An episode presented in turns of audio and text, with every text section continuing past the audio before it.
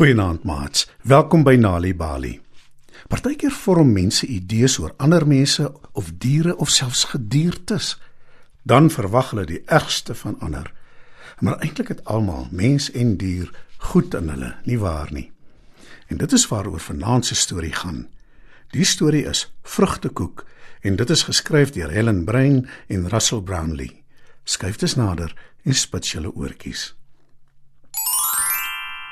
Lank, lank gelede, naby 'n klein dorpie in 'n afgeleë gebied, het daar 'n draak in 'n grot gebly. Al die inwoners was baie bang vir die draak en hulle het wye draaie om hom geloop. Op 'n dag roep 'n jong seun se ma hom.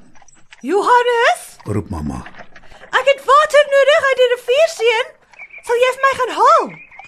Natuurlik, mamma. Antwoord Johannes vrolik. Toe waarsku mamma. Onthou tog net om baie baie versigtig te wees.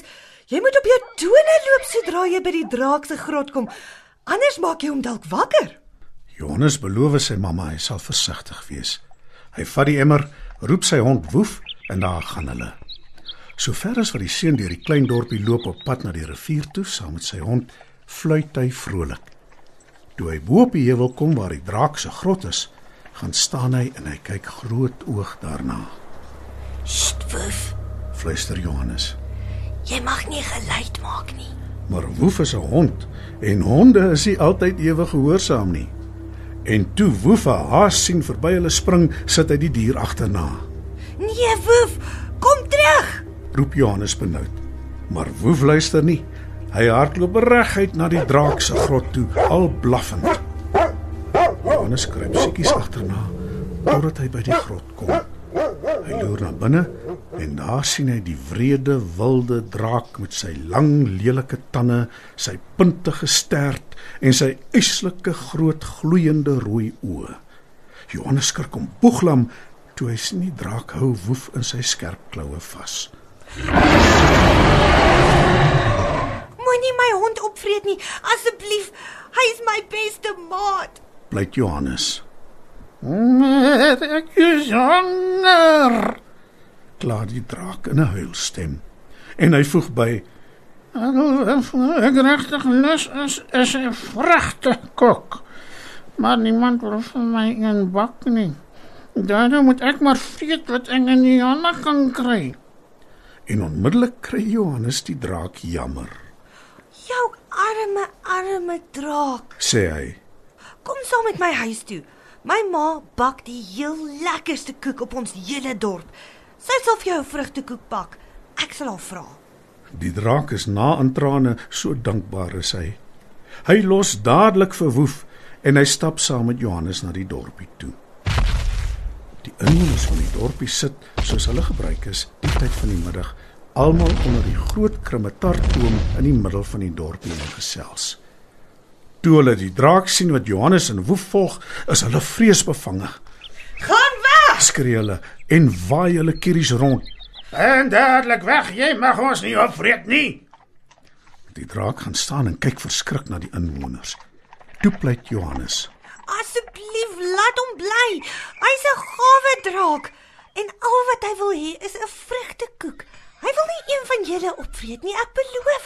Maar die inwoners wil niks weet nie. Hulle glo nie die seun nie en hulle skree. Nee! Nee! Jy gaan dadelik weg, draak. Onmiddellik. Die draak gee nog een laaste kyk. Toe draai hy om en loop druipstert en baie hartseer terug na sy grot toe, Nou het julle my gevoelens seer gemaak. sê Johannes. Nes die draak is hy ook hartseer. Arme, arme draak. Jy is 'n stout, ongehoorsame seun. Hoe kon jy die gevaarlike ongedierte hier na ons dorp toe bring? Raas die hoofman. Dit mag nooit weer gebeur nie. Nie net die hoofman nie, maar al die inwoners van die dorpie is kwaad vir Johannes. Eintlik meer as kwaad, hulle is woedend. Niemand praat met hom nie, nie eers sy eie ma nie. Maar toe, 'n paar dae later, kom 'n jong vrou, een van die inwoners van die dorpie, verskrik na die hoofman toe aangehardloop. Rowers! Roep sy uit asem. Daar is rowers op pad na ons dorpie toe. Ek het hulle skepe gesien op die meer en daar is baie van hulle. Hulle het 'n eislike groot kanon by hulle. Ons lewens is in gevaar. Ag nee. roep die inwoners. Ons dan nie 'n kans teen hulle nie. Hulle gaan ons sekerlik almal doodmaak. Maar Johannes het 'n plan en hy sê Ons kan nie draak gaan roep. die inwoners kyk hom aan asof hy die kluts kwyt is. Johannes stuur hom nie na aan nie en sê Sal ek hom gaan vra om ons te help? Ja. Ja, beslis ja, roep die hoofman. Gaan dadelik. Johannes en Woef draf dadelik na die draak se grot toe. Daar aangekom pleit Johannes. Asseblief draak, help ons om die rowers weg te jaag. Sonder jou staan ons nie 'n kans nie. Die draak kyk ongelowig na die seun. Jy wil hê ek moet julle kom help? Na die manier waarop julle my behandel het. Grom hy. Wel, nie jy nie, maar jou mense.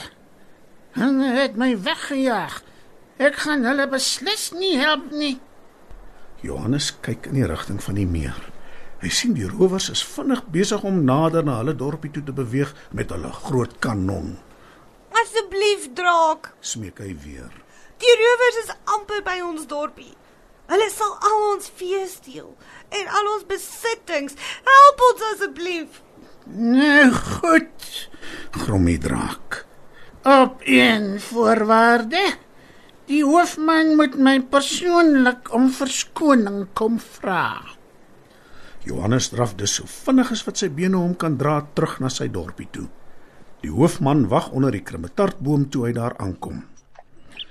Waar is die draak? roep hy. Ons het hom nou dadelik nodig. Johannes verduidelik dat die draak net bereid is om die dorpie se inwoners te help as die hoofman hom om verskoning vra omdat hulle so gemeen met hom was. Die hoofman aarzel nie 'n oomblik nie.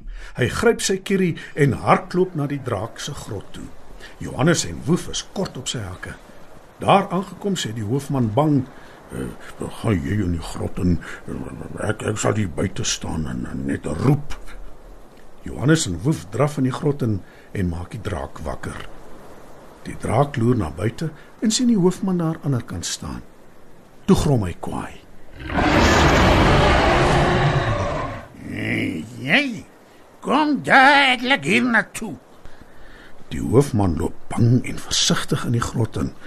Die draak maak sy eislike bek groot oop en wys sy tande vir hom. Die hoofman sien ook die groot rooi gloeiende oë. Hy bibber en bewe en sê in 'n bang stem: Ek is jammer. Nou goed. sê die draak. Nou sal ek julle help. Klim op my rug. Johannes woef en die hoofman klim op die draak se rug en hy vlieg na die dorpie toe terwyl hulle styf vashou. Daar aangekom, swiep hy neer op die rowers. Hy blaas vuur uit sy neus en grom wild. Rowers skrik hulle boeglam en hardloop vinnig weg. Die draak land in die middel van die dorpie. Al die inwoners juig en bedank hom en Johannes se ma kom aangestap met 'n heerlike vrugtekoek wat sy intussen vir die draak gebak het. Die hoofman kondig aan dat die draak welkom is om van nou af in hulle dorpie te bly. Die draak is na aan trane van blydskap want hy was baie eensaam in sy grot. En van toe af is Johannes, Woef en die draak boesemvriende. Wanneer kinders tuistories hoor, help dit hulle om beter leerders te word op skool. Vir meer stories om vir kinders voor te lees of vir stories wat kinders self kan lees, besoek ons by www.nalibali.mobi. Daar is heelwat stories in verskeie tale absoluut gratis beskikbaar. Daar is ook wenke oor hoe om stories vir die kinders te lees en met hulle te deel sodat hulle hulle volle potensiaal kan ontwikkel. Nali Bali is ook op Facebook en daar is Nali Bali stories en aktiwiteite in bylaas van koerante. Story Power. Bring dit huis toe.